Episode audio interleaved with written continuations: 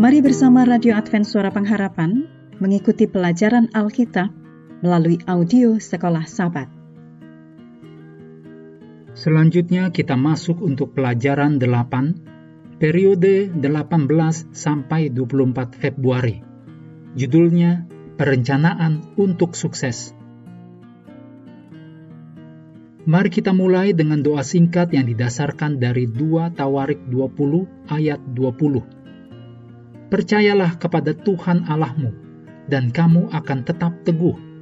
Percayalah kepada nabi-nabinya, dan kamu akan berhasil. Amin.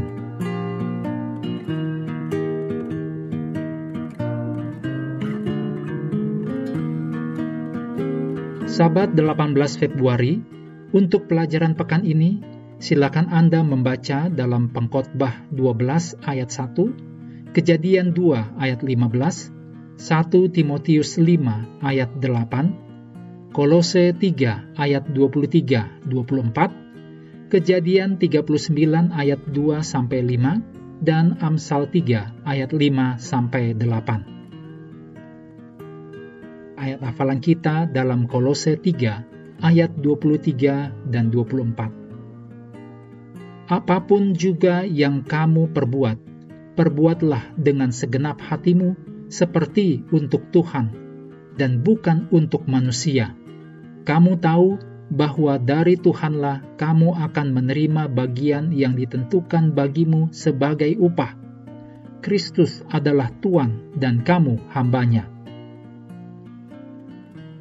Semua orang ingin menikmati kehidupan yang penuh keberhasilan dan bahagia.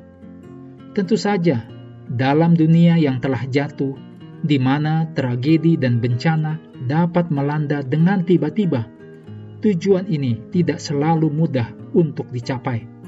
Juga ada pertanyaan tentang bagaimana kita mendefinisikan keberhasilan. Pengalaman Yusuf di Mesir adalah salah satu kisah kehidupan yang sukses. Dari penjara ke istana. Di pihak lain, bagaimana dengan Yohanes Pembaptis? Dari penjara, dia pergi ke kuburan. Jadi, seberapa sukses kehidupannya? Semuanya bergantung pada bagaimana kita mendefinisikan kesuksesan. Pekan ini kita akan melihat pandangan tentang sukses dalam konteks dasar penata layanan dan prinsip-prinsip keuangan. Siapa pun diri kita atau di mana kita hidup, uang, dan pengaturan keuangan menjadi bagian dari kehidupan kita. Siapa pun diri kita atau di mana kita hidup, uang dan pengaturan keuangan menjadi bagian dari kehidupan kita. Apakah kita menyukainya ataupun tidak?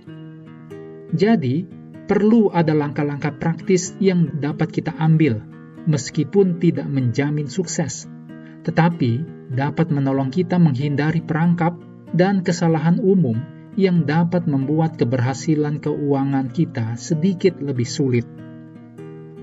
Kami terus mendorong Anda untuk mengambil waktu bersekutu dengan Tuhan setiap hari, baik melalui renungan harian, pelajaran sekolah sahabat, juga bacaan Alkitab sedunia percayalah kepada nabi-nabinya, yang untuk hari ini melanjutkan dari 2 Tawari pasal 34.